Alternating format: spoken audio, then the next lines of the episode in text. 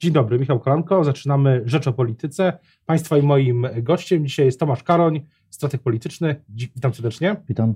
Dzień dobry. Chciałbym zapytać na początek o jaki jest Pana główny wniosek z, z tych wyborów.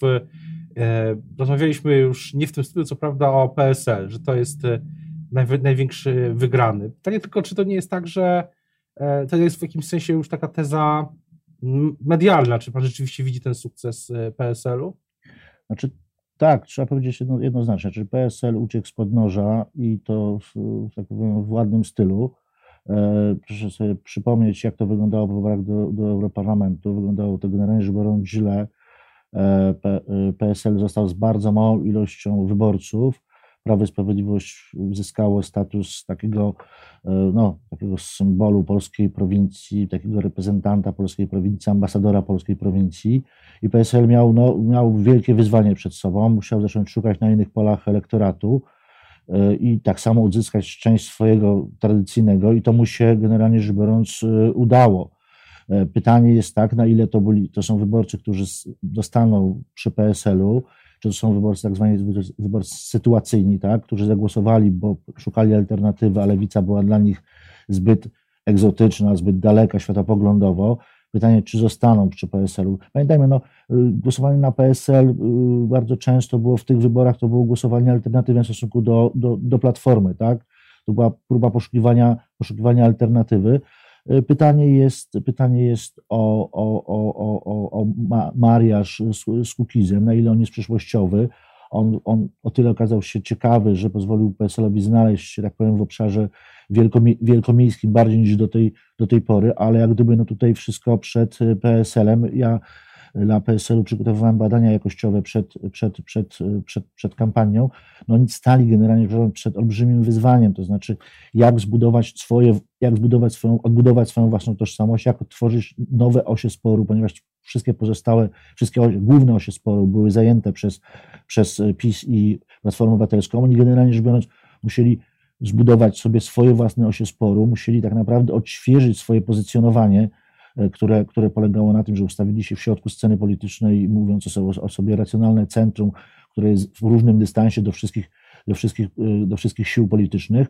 Myślę, że im to się udało, natomiast umówmy się, no udało im się, jak już panu kiedyś o tym wspominałem, udało się dlatego, ponieważ szlak przecierała lewica, tylko lewica była dla części wyborców zbyt bardzo, zbyt bardzo e, lewicową. A czy y, widzi pan taką, znaczy, możemy sobie teraz gdybać i to też jest fajne, czasami takie scenariusze alternatywne, e, bo y, czy widzi Pan y, inną, czy, czy inaczej, czy wynik PSL byłby wyższy albo może niższy, gdyby PSL nie poszło do wyborów europejskich razem z, z koalicją europejską, gdyby zdecydowało się na samodzielny, y, samodzielny start, bo wtedy to było dosyć, trzeba przyznać, była dosyć sytuacja no, napięta, jeśli chodzi o te negocjacje. One wisiały w jakimś sensie na włosku. I pytanie, czy gdyby PSL wtedy podjął inną decyzję, to Pana zdaniem teraz byłoby w innym miejscu, czy miałby wyższy wynik?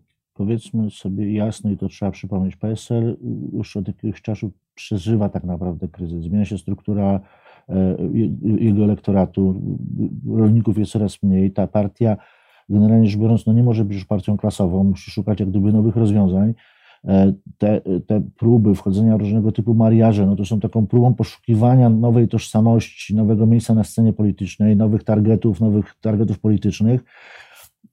Pytanie jest, to jest ważne pytanie. Wybory euro, europejskie były bardzo trudne dla, dla, dla, dla PSL-u. W tych wyborach na, na, przedstawicieli PSL głosowało tylko 600 tysięcy wyborców, w tym 300 tysięcy e, wyborców PSL-u. Więc te wybory tak naprawdę no one poważnie osłabiły, osłabiły de facto, de facto PSL, jeśli chodzi o bazę wyborczą. Oczywiście udało się, tak powiem, zrealizować plan, jeśli chodzi o wprowadzenie euro, europosłów, ale nie zrealizowano planu, jeśli chodzi o odbicie wyborców y, y, wiejskich i prowincjonalnych. No generalnie rzecz biorąc, stracono prowincję. Ale z 300 tysięcy na milion pięćset to jest całkiem, pół roku to jest całkiem niezły wynik to jest całkiem równy wynik, ale pamiętajmy przy, wyż, przy, wyższej, przy wyższej frekwencji i przy, i przy tym, tym, tym, tym jak gdyby case'ie, w którym jest lewica tak naprawdę, która odkleja jako silniejszy podmiot, odkleja od Platformy Obywatelskiej część wyborców i oni, oni odchodzą, ale tak naprawdę zatrzymują się, y, ponieważ nie idą dalej, nie idą do lewicy, ponieważ lewica jest zbyt, zbyt, zbyt, y, zbyt, y, zbyt w cudzysłowie lewicowa, tak? Pamiętajmy też, że tak samo wśród tych wyborców jest część nowych wyborców, zarówno Platforma Obywatelska, jak i, jak i Lewica, jak i PSL dostały tak naprawdę w ich, w ich jak gdyby w obszarze oddziaływania znaleźli się nowi wyborcy, którzy do tej pory, do tej pory nie głosowali. Oczywiście opieramy się y, o badania, nieotwarte wyniki y, PK, PKW, bo tam nikt nie deklaruje tak naprawdę, jak wcześniej głosował, ale generalnie rzecz biorąc, to, to też pojawili się nowi wyborcy. Oni się pojawili dlatego, ponieważ Paweł Sprawiedliwość popełniło no, kilka błędów. Jakie były te Pana zdaniem najważniejsze? Znaczy, ja myślę, że najważniejszym błędem było to, że powiedziano o, o, o, o pensji minimalnej, a nie obudowano tego tak naprawdę jasnym, jasnym przekazem tak naprawdę. Część wyborców, szczególnie ci, którzy nie zarabiają pensji minimalnej, a troszeczkę, troszeczkę, troszeczkę y, y, więcej, troszeczkę lepiej, ale tylko troszeczkę, tak zwana niższa klasa średnia, ona się przestraszyła tak naprawdę, że za chwilę poprzez podniesienie pensji minimalnej jej nie wzrośnie, ale ci, którzy są przez nich traktowani jako trochę, no nie wiem, gorsi albo no, zajmujący niższe stanowiska, tak naprawdę do nich doszlusują, a oni tak naprawdę zostaną, zostaną na tym poziomie, na którym byli. Myślę, że e, tutaj był największy, największy, najbardziej poważny błąd, bo tak naprawdę wśród tego elektoratu, e, to byli część, to byli przestraszonego elektoratu tak naprawdę, która, w cudzysłowie, przestraszyła się ze stanie się mówię to oczywiście w dużym uproszczeniu, stanie się sprzątaczkami, tak, no to tutaj było sporo wyborców Prawa i Sprawiedliwości, ale nie tylko, tak. Ale oni przeszli y, na przykład do PSL, bo taka jest teoria, która y, taka jest teoria, którą mówią niektórzy przedstawiciele Zjednoczonej Prawicy, że tak jak y, pan mówi, płaca minimalna była, sprawiła, że część wyborców, przedsiębiorców na przykład przeszła do PSL-u, a część odeszła od PiSu. Widzi pan, że w ogóle ta grupa ma znaczenie, bo sztabowcy PiS mówią, no tak, ale przedsiębiorcy to, to jest tak, 3 miliony ludzi, półtora miliona z tego y, może zagłosuje i tam... Ale pomówmy się, umówmy tak się, dla PSL nie przeszli tylko przedsiębiorcy, przeszli tak samo PSL i to, i to nam wychodziło bardzo mocno w badaniach. E, PSL może reprezentować Polskę pracującą tak naprawdę, bo kto jak nie PSL zna się na, na robocie generalnie rzecz biorąc, na pracy. W obszarze wizerunku praca, taka skojarzona z taką ciężką, mozolną pracą, z efektów tej pracy, jest bardzo ważnym elementem składowym wizerunku, tego pozytywnego wizerunku PS, PSL-u. Y, oczywiście, pamiętajmy, PSL zyskiwał, było kilka czynników, które zyskiwał. Jeden czynnik, o którym już wspomniałem, tak? Y, y, lewica przecierała szlaki, szedł PSL i zbierał bardziej konserwatywnych wyborców, ale też PSL zbierał wyborców, którzy generalnie rzecz biorąc chcą się nam przedstawić, chcą nam powiedzieć, że są za pracą, są za przedsiębiorczością, nie są za rozdawnictwem. To znaczy, to jest taki bardziej trochę aspiracyjny elektorat, to jest elektorat taki bardziej mieszczański, który w PSL-u znalazł tak naprawdę takiego adwokata dobrej, dobrej, dobrej, dobrej roboty, na którym zna się PSL. Teraz jest y, przed nami kolejna kampania, kampania prezydencka. Wiele sygnałów wskazuje na to, że Platforma bardzo poważnie rozważa wystawienie Małgorzaty Kidawy-Błońskiej na prezydenta. Y, PSL zapewne postawi na Władysława Kośniaka-Kamysza. Pytanie, co, y, co w takim razie, jeśli wystartuje, przede wszystkim zacznijmy może od Kidawy Błońskiej, wystartuje Kidawa Błońska, co w takim razie, z, czy, ma, ma szansę przechwycić na przykład część elektoratu lewicy? A czy tutaj lewica stoi w trudnej sytuacji tak naprawdę? Ona generalnie rzecz biorąc musi się zdecydować tak naprawdę, jak, jak, jak poprowadzić tą kampanię. Tej kampanii dla lewicy, tak powiem, to dużo zależy tak naprawdę przyszłe, przyszłe, przyszłe losy tej lewicy, jaką dzisiaj znamy, ponieważ pytanie, jak ona będzie wyglądała za jakiś czas, a taka, jaką dzisiaj znamy, znaczy ta lewica oparta o trzy pokolenia, trzy, trzy pokolenia lewicy, to, to tutaj ta kampania będzie dla nich niezmiernie istotna, tak? A czy takim naturalnym kandydatem i ogłoszonym albo ogłoszonym, zapowiedzianym, ale jeszcze nie ogłoszonym, no jest Robert, Robert, Robert, Robert Biedroń, tak? Myślę, że, że to, to, to, ta, ta, ta, ta, ta kandydatura ma masę, masę, masę zalet.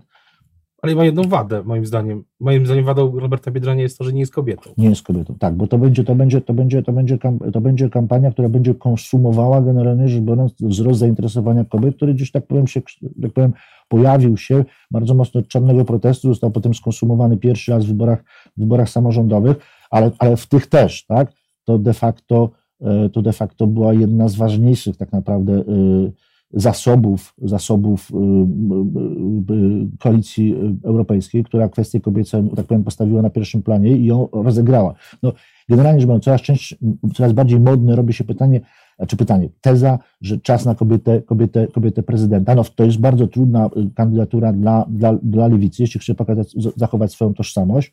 Znaczy, lewica, moim zdaniem, trochę oddaje już pola tak naprawdę y, koalicji. Bo mówi, pan, ona, mówi pan teraz. Teraz, tak. Oddaje, oddaje pola, bo ona już dzisiaj tak naprawdę powinna, powinna y, przedstawiać konkurencyjnym kandydatom tak naprawdę pytania, E, przedstawiać swoją agendę i prosić, żeby do tej agendy się, się odnieść. Ja tak naprawdę bez pilotowania kandydatów konkurencji, no to może skończyć się tak naprawdę źle, że będzie kandydat kobiecy, który tak naprawdę no, będzie e, nie, samą swoją kobiecością wydawałoby się, że będzie realizował postulaty lewicowe, ale wcale, wcale tak może nie być generalnie rzecz biorąc. Znaczy lewica, jeśli nie obuduje tego, tej kobiecości lewicowymi postulatami, to... Czy swoją kandydatkę, jeśli swojej kandydatki nie przedstawi i...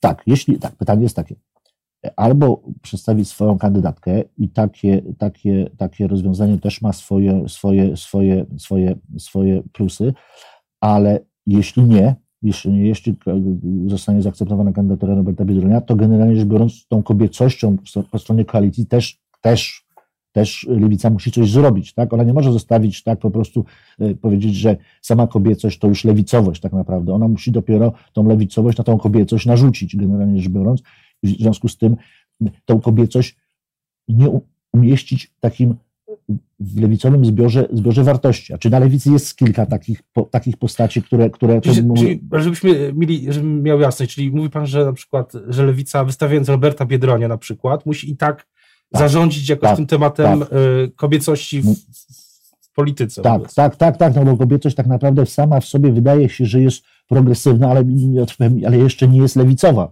E, więc może być, może być liberalna, tak? Więc, więc oczywiście jest bardziej progresywna niż, niż, niż, niż, niż męskość dzisiaj, dzisiaj, dzisiaj w polityce, czy kobieca dzisiaj w polityce jest bardziej modna, tak? Natomiast lewica i tak przy pomocy kobiet, które są, są, są, są, są, są na lewicy, musi zarządzić tematem kobiecości, tak? Ona musi zdefiniować na potrzeby lewicowego wyborcy, czy ma być ta kobiecość. Ale przechodząc na drugą w jakimś sensie stronę sporu, czy uważa pan, że to przekonanie w PiSie, które jest, jak się rozmawia z politykami PiSu, od mniej więcej tygodnia, ale już wcześniej tak naprawdę, e, jest e, przekonanie, że Andrzej Duda może przegrać. Jest słuszne Pana zdaniem?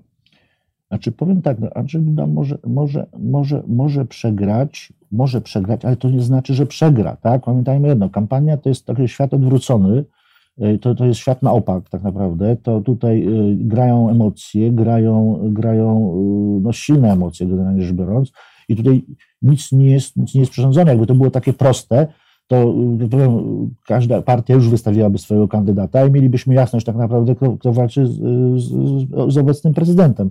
To, to, to się krystalizuje, to tak szybko się też nie wykrystalizuje, bo ten bój tak naprawdę prezydenta nie będzie bojem łatwym. On dzisiaj się wydaje tak naprawdę, że jest łatwiejszy, ponieważ suma głosów Y, opozycji tak naprawdę jest, no, jest znacząca. na daje... grafikach, y, przepraszam, wydawałem słowo, na grafikach Koalicji Obywatelskiej w internecie jest właśnie ta liczba 900, około 900 tysięcy głosów więcej opozycja niż PiS.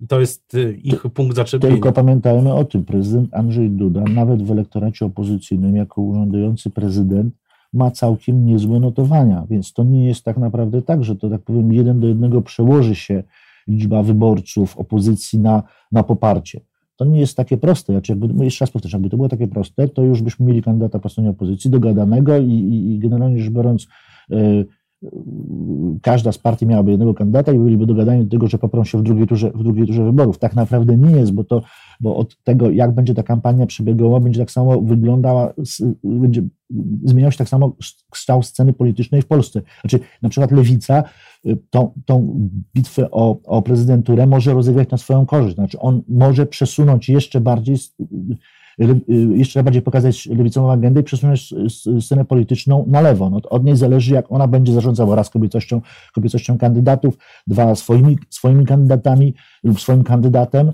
i to jest w ogóle olbrzymie wyzwanie.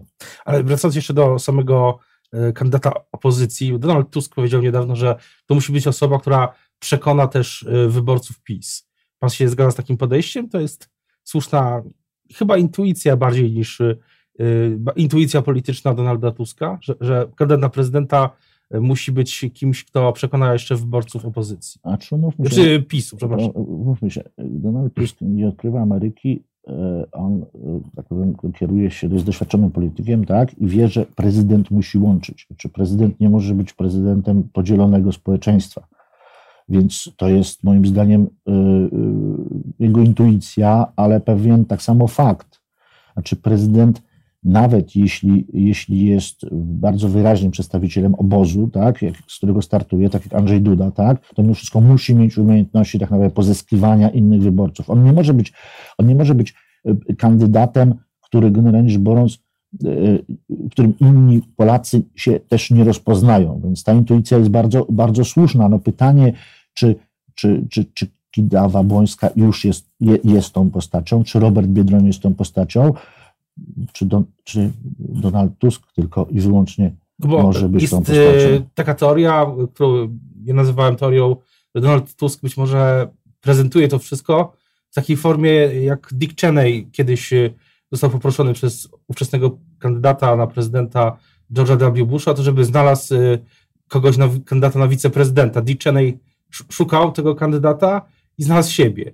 I, i czy może to jest tak, że Donald Tusk opowiadając tak szeroko dosyć o tym, jaki powinien być kandydat na prezydenta, y, buduje ten obraz po to, żeby za jakiś czas zakomunikować, że to on jest tym najlepszym. No więc właśnie, być może tak jak mówię, być może to jest właśnie on tak naprawdę. No, y, no, tylko, tylko tutaj musielibyśmy wrócić do tego, jakie musiałyby być warunki brzegowe dla Donalda Tuska spełnione, żeby on wrócił do polskiej polityki. No to jest ta dyskusja już się gdyby odbyła. My wiemy tak naprawdę, jakie to muszą być warunki. I to nie są tak naprawdę y, łatwe warunki, tak naprawdę. Znaczy, one nie są łatwe zarówno y, y, te warunki wejściowe dla Donalda Tuska, jak i tak naprawdę dla jego ewentualnych partnerów. To jest, to jest trudna układanka, natomiast, natomiast, tak jak pan mówi, tych kandydatów jest więcej. A wracając jeszcze do samej sceny politycznej, mówi pan o tym, że ten, te wybory prezydenckie ją będą kształtować, a na ile może ją ukształtować spór czy w tych, tych wyborach wystartuje też pewien kandydat, też na własny użytek nazywam to, to jest też termin amerykański, alternatywnej, e, pra, oni sami się tak nie określają, alternatywnej mhm. prawicy, jaką jest Konfederacja. Mówi się o tym, że Krzysztof Bosak wystartuje w tych wyborach z właśnie z Konfederacji. I na ile to się nałoży, czy, czy, czy dla Andrzeja Dudy to jest zagrożenie? Znaczy powiem tak, Prawo i Sprawiedliwość tak naprawdę, jeśli chodzi o młodych, to krwawi. Znaczy, zawsze każda partia rządząca y, ma kłopoty z pozyskiwaniem młodego elektoratu. U Prawa Sprawiedliwości jest tak samo dramat wspomnienie 2007 roku, kiedy przegrało tak naprawdę głosami młodzieży. Odpływ młodzieży dla Prawa Sprawiedliwości jest dużym zagrożeniem. Jedyną, jedyną, jedyną partią albo środowiskiem raczej, które generalnie rzecz biorąc to młodzież podtrzymuje w, w, w, w obrębie prawicy, jest Konfederacja. Więc e, umówmy się, no, e, w interesie dobrze pojętym Prawa i Sprawiedliwości jest tak naprawdę no, przyglądanie się w tych wyborach prezydenckich kandydatowi e, prawicy alternatyw, alternatywnej, jak pan, jak pan to nazwał, tak, z dużą, z dużą uwagą. Czy jest to trudne oczywiście dla Prawa i Sprawiedliwości, bo to jest taki, taki dylemat. Znaczy, jak, jak liczyć na to, że ta formacja nie pozwoli odpłynąć młodych, od młodym od prawicowych wartości, a jednocześnie jak funkcjonować w świecie, którym się nie jest jedyną, jedyną prawicą i, i, i potem jak to się ma do, do, do, do, do, do budowania centrowości swojego głównego kandydata, tak? A czy tutaj to jest taka no, dosyć, dosyć skomplikowana, dosyć skomplikowana gadanka, ale jedno jest jasne, znaczy bez bez, bez, bez, bez, bez Konfederacji dzisiaj Prawo i Sprawiedliwość będzie miało kłopoty z pozyskiwaniem młodych, młodych wyborców, którzy tak naprawdę są wyborcami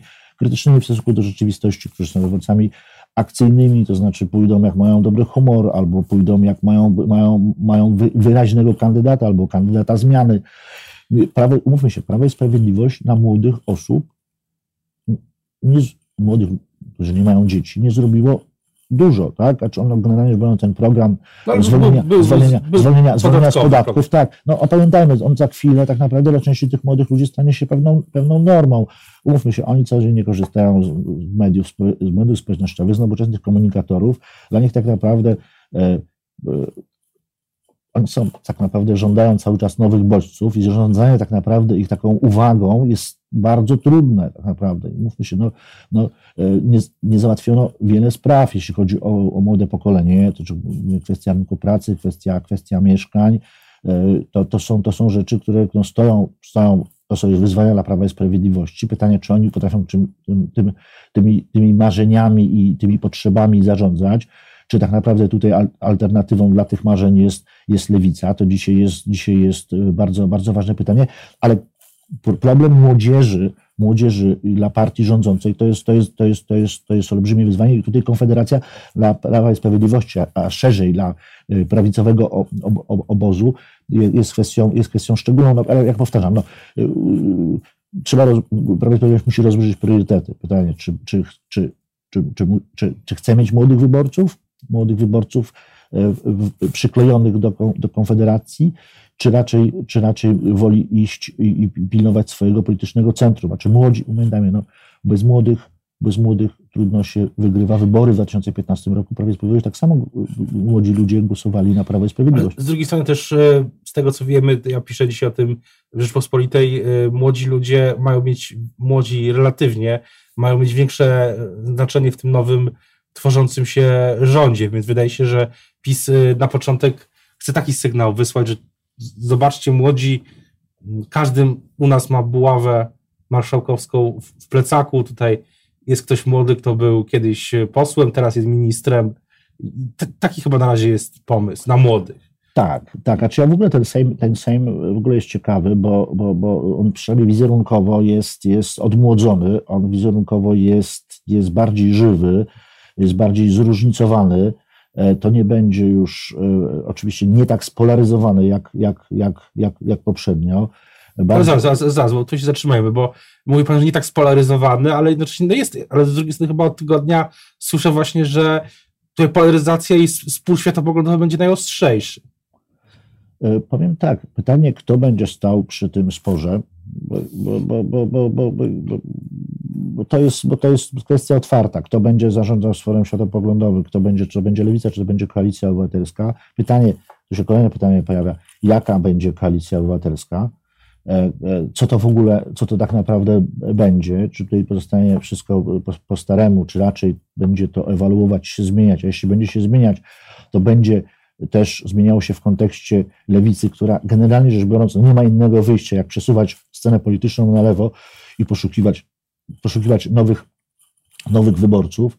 Oczywiście takich wyborców, którzy na, na długo przy, przy lewicy pozostaną. No nie, nie, nie problemem jest, no kolej Ryszarda Petru pokazał, pokazał, że nie problemem jest nazbierać sobie wyborców, a potem ich wszystkich stracić, tak? Więc nie problemem jest, żeby lewica nazbierała wyborców, a potem przed samymi wyborami pojawi się jakaś partia y, nowa, liberalna i tych wszystkich wyborców zabierze, tak? Znaczy, y, y, jeśli lewica ma tak naprawdę ambicje na, na bycie poważnym tak naprawdę graczem, E, który zastąpi koalicję obywatelską, no to tak naprawdę musi mieć pomysł na zbieranie wyborców i, i jak powiem, i budowanie ich tożsamości, znaczy przywiązywanie ich na dłużej niż na tylko na pewien czas. Znaczy, to nie ma być tylko to nie ma być tylko szalupa tak naprawdę dla i, taki, taka, tak, takie miejsce przetrwalnikowe dla, tak powiem, prze, dla, na przeczekanie dla wyborców rozczarowanych koalicją. To tak naprawdę taką rolę pełniła w pewnym momencie nowoczesna i wiemy, jak to się skończyło. No, Ryszarda, Petra, Ryszarda Petru nie ma e, w tym Sejmie. O tym, jakim ten Sejm e, będzie, będziemy też wielokrotnie jeszcze mówić. Teraz bardzo dziękuję